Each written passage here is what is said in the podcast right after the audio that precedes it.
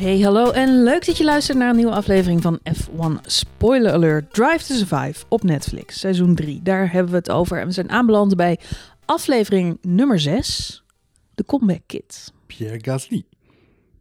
En Alexander Albon, Ja, dus de Go Away Kid. de Go Away De Kid. Go Away Kid. Onderaan schrift zijn ze alle twee de Go Away Kids, maar dat tezijde. Dat is een, eh, dat, is- dat is een beetje spoiler voor het einde van het hele Formule 1 seizoen. Maar dat tezijde. Het is een, eh, een aflevering in twee delen. We hebben enerzijds Een tweeluikje. een tweeluikje. We hebben enerzijds een beetje de zwarte kant van de medaille, dat is Spa.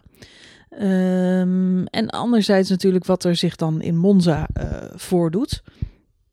En ja, het begint natuurlijk eigenlijk met die flashback hè, op Spa. Dat ze naar, ehm, ja, terugblikken naar wat vorig jaar daar gebeurde. Ja, natuurlijk de situatie Antoine Hubert eh, en de situatie voor Pierre Gasly dat hij voor het eerst in die Alfa Tauri zat. Eh, twee dingen die, ik denk als ik het goed samenvat, Pierre Gasly wel gevormd hebben voor eh, de rest van zijn carrière. Hadden we vorig seizoen natuurlijk nog niet zo door. Hij heeft hier nog een half seizoentje in die Alfa Tauri gezeten. Maar iedereen, werd deze uitzending ook gezegd, iedereen heeft dit seizoen een ontketende Pierre Gasly gezien in een Formule 1 auto. Ik had zelf het gevoel, eh, kijk, we hebben allemaal het seizoen gezien en ik, eh, ik vind Drive to Survive te gek, maar het haalt het niet bij de werkelijkheid, als je begrijpt wat ik bedoel. De, de beelden zijn prachtig en super mooi, alleen eh, de realiteit was nog beter, omdat het een echte sport is en echte mensen zijn. En soms bekruipt me het gevoel bij deze serie dat het, ja, dat het zo uitgelegd moet worden aan mensen die de sport niet volgen. En daardoor is het heel, ja, ze, ze zoeken natuurlijk een narrative die er heel dik bovenop ligt. En zie je ook deze aflevering weer. Ja, nou, weet je, het, wat me goed doet aan deze serie is wat jij al zegt. Het, het feit de beelden zijn prachtig en het geluid is goed van de auto's. Het is, als de serie uitkomt, 95 dagen geleden dat we 94 dagen als serie uitkomt, maar dan is het 94 dagen geleden dat, eh, eh, dat we naar Formule 1 auto's hebben kunnen kijken en luisteren. eh, live, om het zo maar even te zeggen. Natuurlijk, allemaal mensen die YouTube hebben afgeschuind. maar goed, het is fijn om weer, weer actie te zien op het scherm. En, en, en ik merkte aan mezelf bij de sequence van Monza, het, de vlag en, en de lampen die uitgingen, het geluid Mhm, erbij. mhm. Ik was getriggerd. Pavlov-reactie, gelijk op puntje op mijn stoel meekijken. Ja, had ik ook. Ehm, maar het is het, eh, ik vraag me dit seizoen wel meer af dan de voorgaande seizoenen. Voor wie maken ze de show nou eigenlijk Exact. echt? Nou, dat Want- dacht ik precies hetzelfde. Ehm, eh, weet je, wij hebben als fans allen meegemaakt. We zeiden het al in, de, in onze vorige review. Weet je, de- er wordt gewoon heel weinig aandacht besteed aan de race zelf. Ja. We hebben een heel gek seizoen gehad. eh, of een te gek seizoen gehad, moet ik eigenlijk zeggen. Een te gek seizoen met allemaal toffe dingen die we gezien hebben op een racebaan. En dat krijgen ze maar niet goed in beeld op de een of andere manier. Ik denk ook dat het heel moeilijk is om dat te bevatten, omdat het een combinatie is van de adrenaline van een race live kijken en eh, het momentum van een seizoen waar je met z'n allen in zit, gecombineerd met je liefde voor een coureur of een team. En dat dan Ja. bij elkaar op één hoop, dat, dat krijg je misschien niet zo makkelijk in een docu. Maar Nee. dan, dan heb je de andere kant van de, van de medaille. En dat is inderdaad voor de mensen die geïntroduceerd moeten worden in de sport. En dan denk ik, als die deze aflevering zien van Pierre Gasly en, en Ja. Alexander Albon, dan Hebben ze, die dan... ja, wa- wat zien ze dan? Ja, precies. Welk gevoel moeten ze aan mij krijgen? Ja. En bij Ferrari was het nog een, een beetje. was eigenlijk hetzelfde. Het is ook een soort team. Dit is een, een, een battle tussen twee mensen die niet bij hetzelfde team zitten. Maar eigenlijk stiekem wel een beetje. Want het is Mhm, dezelfde school. mhm. Dezelfde klas waar ze bij horen. Ze zitten op hetzelfde, op hetzelfde schoolgebouw lopen ze rond. Ehm, bij Ferrari was het natuurlijk echt een team.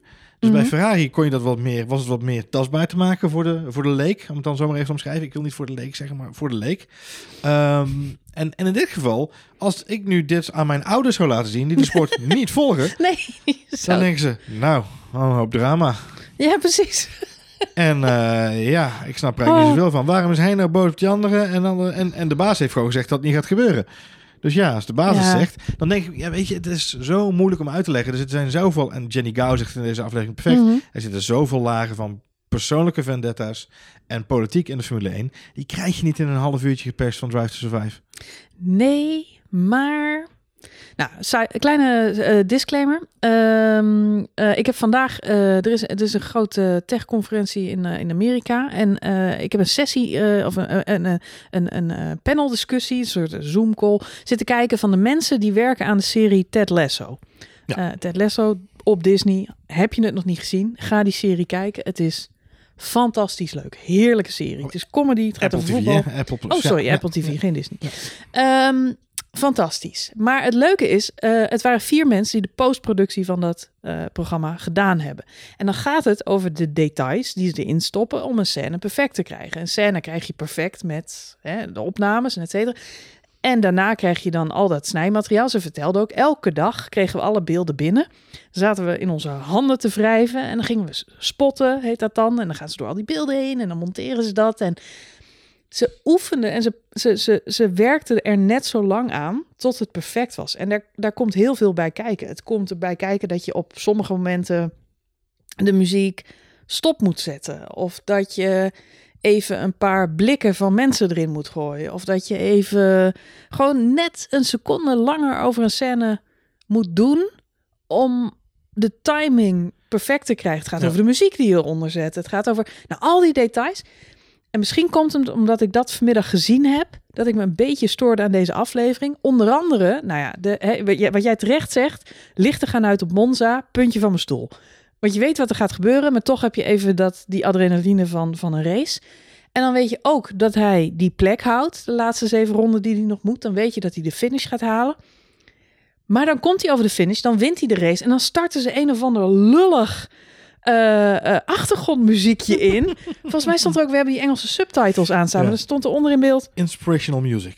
inspirational music. Alsof ik naar een fucking stokvideo zit te kijken. Het was ik wil geen inspirational music als ik Pierre Gasly zijn eerste Grand Prix zie, zie winnen. Het, eh, ja, nee, het had van mij wat... Het wordt, het wordt steeds meer duidelijk en dat hadden, daar hebben we in de, in de vorige dat beter gekund. Nou ja, maar, maar wat jij nu gekund. Maar omschrijft, ik ben is, wel een perfectionist. wat Dus jij nu omschrijft is natuurlijk het verschil wel tussen een docu-serie en een, en een, een geregisseerde serie. zeker, Eh, zeker. dus daar zit maar- natuurlijk een nuance in. Maar dan vind ik het nog steeds belangrijk dat ze eigenlijk de kijker constant in het ootje nemen. Mhm. Doordat ze van paddock naar paddock wisselen. En van- Ja. de- ook deze uitzending zien we weer quotes voorbij komen uit Allerlei Spa, beelden door elkaar. Monza. ja. Dan zijn we weer ineens in Engeland. Wordt een interview van, van Pierre Gasly getoond uit eh, op Silverstone. Ja. We zien heel groot de 70, het is de anniversary Grand Prix. We zien heel groot die 70 achter in beeld. En Lewis Hamilton die daar crowdsurft. dat is, dat, iedereen, alle fans weten dat is Silverstone.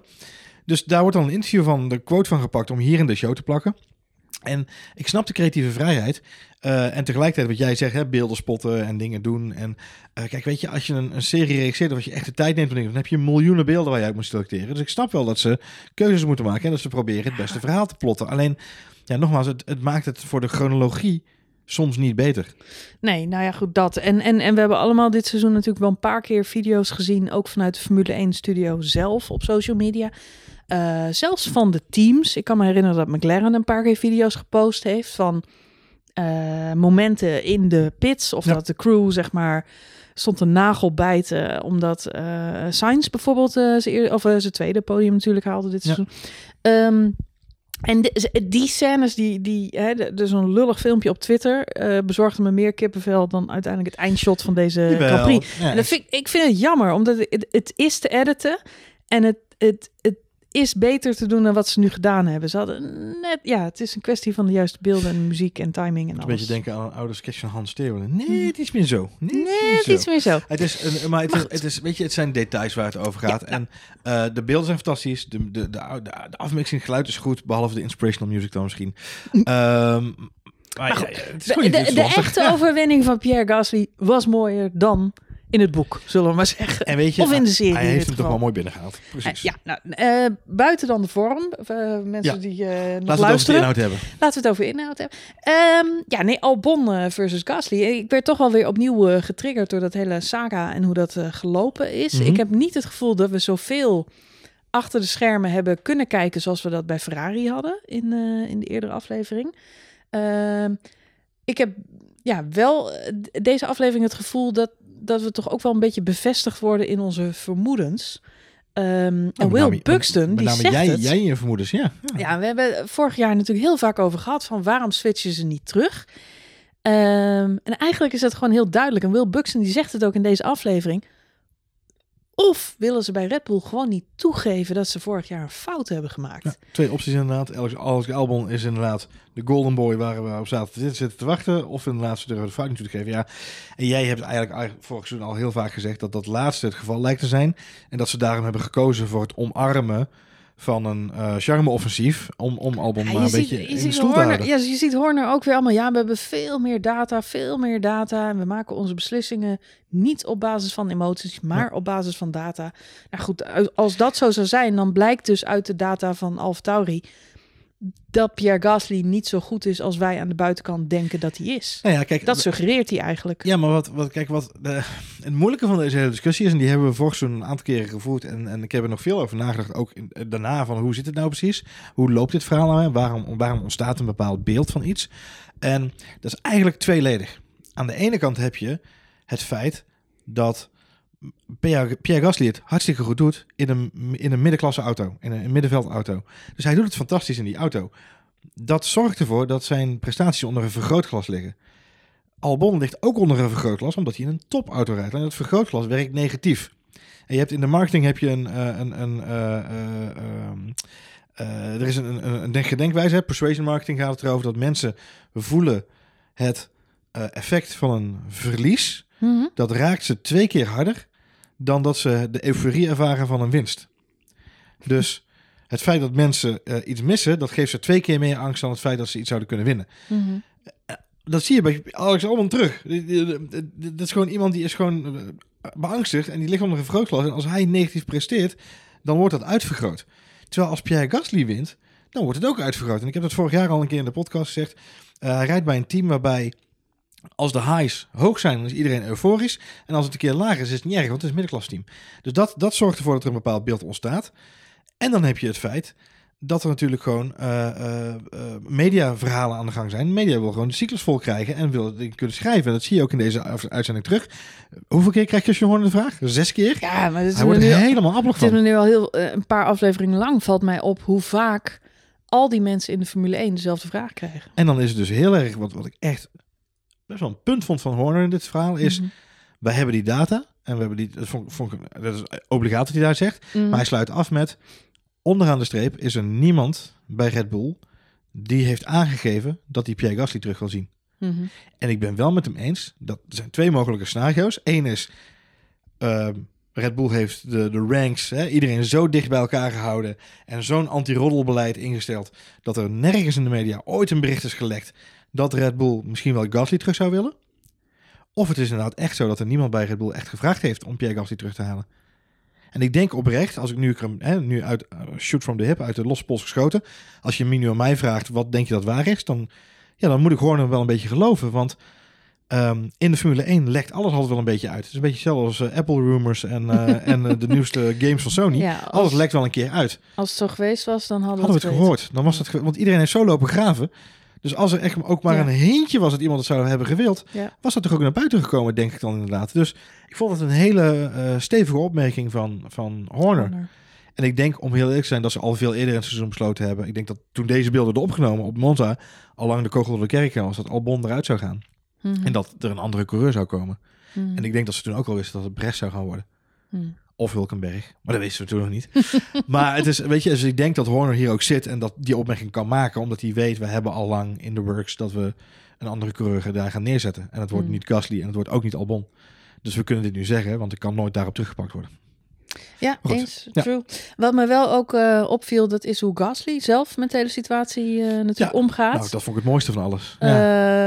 Nou, twe tweeledig. Uh, enerzijds had ik afgelopen seizoen op basis van de interviews... Ja, hij heeft natuurlijk wel een paar keer subtiel laten vallen... maar in deze aflevering wordt echt heel duidelijk hoe hij eigenlijk nog maar one single purpose in life heeft. En dat is terugkomen bij Red Bull.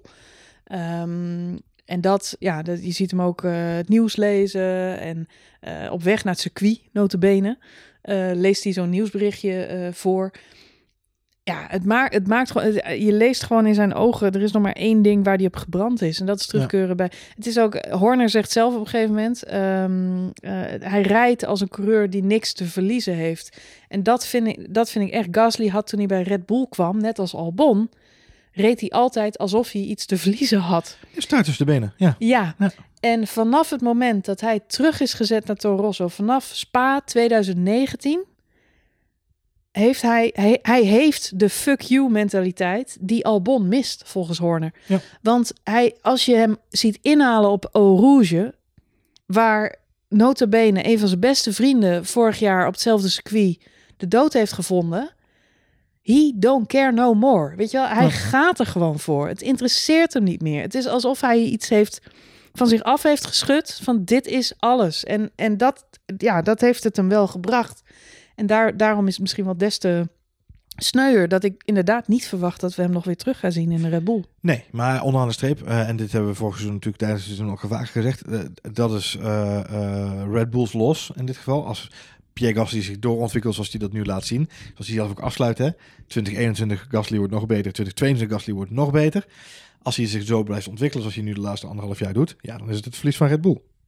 Ik heb zelf het gevoel dat, eh, nou, dus ik denk dat er een aantal opties voor hem zijn. Hij is natuurlijk Grand Prix winnaar, dus daarmee heeft hij zichzelf wel wat extra jaren in de Formule 1 gekocht, denk Mhm, ik. mhm.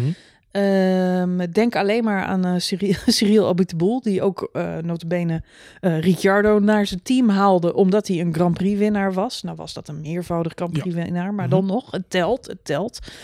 Ehm, nee, ik denk dat Renault nog steeds een goede optie voor hem is. Die hebben natuurlijk nu straks eh, Alonso en Ocon. Alonso heeft in principe twee jaar contract. Eh, dus als Ocon volgend jaar bijvoorbeeld echt but presteert, dan vermoed ik dat ze Ocon eruit gooien en gewoon een andere Fransman binnenhalen in de vorm van Gasly. Maar het kan natuurlijk ook zo dat we bij Alonso een soort menzel-situatie krijgen, waarbij hij het misschien helemaal niet lang volhoudt. En dan zou het zomaar allemaal eens in de stroomversnelling eh, kunnen komen. Ja. En dat hij, ja, ik zie hem, ik zie hem bij Renault echt wel eh goede kans Ja, maken. maar ik denk, ik denk dat het voordeel van Pierre Gasly is dat hij in principe bij elk team zou passen. Eh, even met name omhoog kijkend. Naar beneden eh, eh, heb ik er wat meer moeite mee. In de zin van, eh, ik zie hem zo snel bij een Alfa Romeo of bij een ander team gaan rijden. Maar met name als je kijkt naar, kan hij een stapje maken naar boven toe? Weet je, ja, ik zie hem ook, mocht Lando Norris of Daniel Ricciardo ooit opstappen bij McLaren, kan hij ook daar, zou die passen. en hij heeft je? nu natuurlijk een nieuwe uitdager, Yuki Tsunoda. Ja, Nou, daar ben ik wel eh, benieuwd naar, want die was wel razendsnel tijdens de, Nou. eh, de tests inderdaad. Dus ja, Ik weet denk je. inderdaad ook wel, eh, hoe gaan die twee zich tot elkaar verhouden? Wordt Ja. toch een nieuwe krachtmeting om te bepalen wie daar het sterkste is. Ja. En je hebt natuurlijk altijd nog het scenario dat, ondanks wintertests, eh, de Red Bull misschien eh, ja, toch weer tegenvalt. Hoe lang gaat Max Verstappen dan nog in de Red Bull blijven zitten? Als die weg is, dan wil je toch ook nog wat achter de hand hebben. Ja, ik denk En dan zou je ja, zomaar ineens Gasly en Perez bij Red Bull kunnen Ja, hebben. dat is de kaart die denk ik eh Horner en Marco het dichtst bij hun borst houden. Ik denk dat dat onderaan de streep... het is een backup plan. Een, backup, Ja. een goed backup plan. ja, en weet je, ze zetten... Wat ik wel knap vind, en dat is ook degene waar, waar we het... eh, eh, wat ik al eerder een keer met iemand besproken heb. Ik vind het heel knap dat Red Bull ook Albon niet heeft laten vallen. Oh, we hadden de, de evening with Red Bull, die Mhm, waar we voor mhm, uitgenodigd mhm. waren. Dat, dat we daar dus inderdaad, dat Albon daar ook zat. En dat er, op een gegeven moment komt dan Perez wel heel lullig in beeld in plaats van Albon. Maar goed. Ehm, Albon werd in ieder geval niet aan de kant geschoven, weet je. Er was, het was natuurlijk, op het moment dat die hele avond eigenlijk gepland stond, was het, was het allemaal al rond. En eh, je wilt natuurlijk geen awkward situations hebben. Maar goed, Albon blijft bij het team. Hij gaat eh, DTM racen. En weet je, dat komt allemaal wel op zijn pootjes terecht.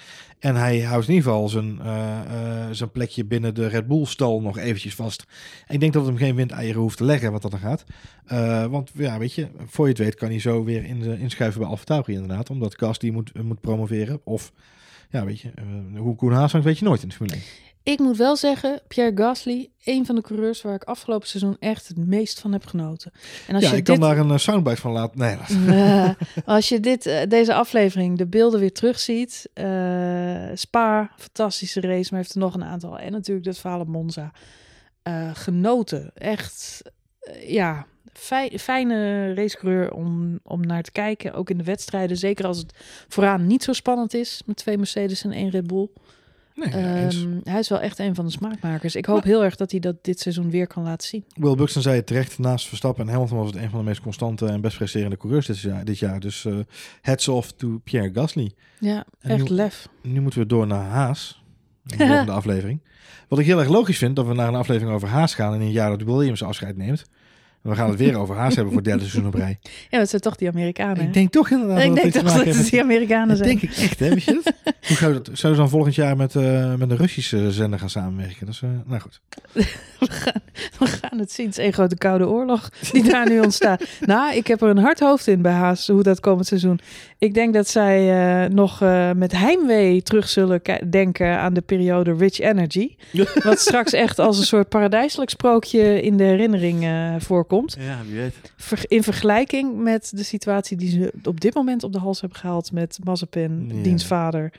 En eh, de Russische olieindustrie. Ik denk, ik, denk, ik denk vooral dat ze bij Haas eh, denken nog één jaartje uit doorbijten en dan kan Jean... eh, En vergeet arme Mick Schumacher niet. nee, dat vooral inderdaad. Ik arme knulletje te midden van al die Ik zou, toestanden. ik, zou, ik zou Gene Hazes nog daar aan toe, want die kijkt nog een jaartje aan. Dan trekt hij zijn stickers van de auto af en dan zegt hij veel succes, papa Mazepin. Zeg, zeg, ze- je zit de volgende aflevering te spoilen. We moeten, eerst, we moeten eerst kijken. We gaan kijken, snel. We gaan kijken. Oh, tempo.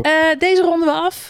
We gaan door met de volgende aflevering. Luister hem zo meteen in je podcast app. Maar wel eerst even aflevering 7 kijken van Drive to Survive. Anders heb je een sportfood.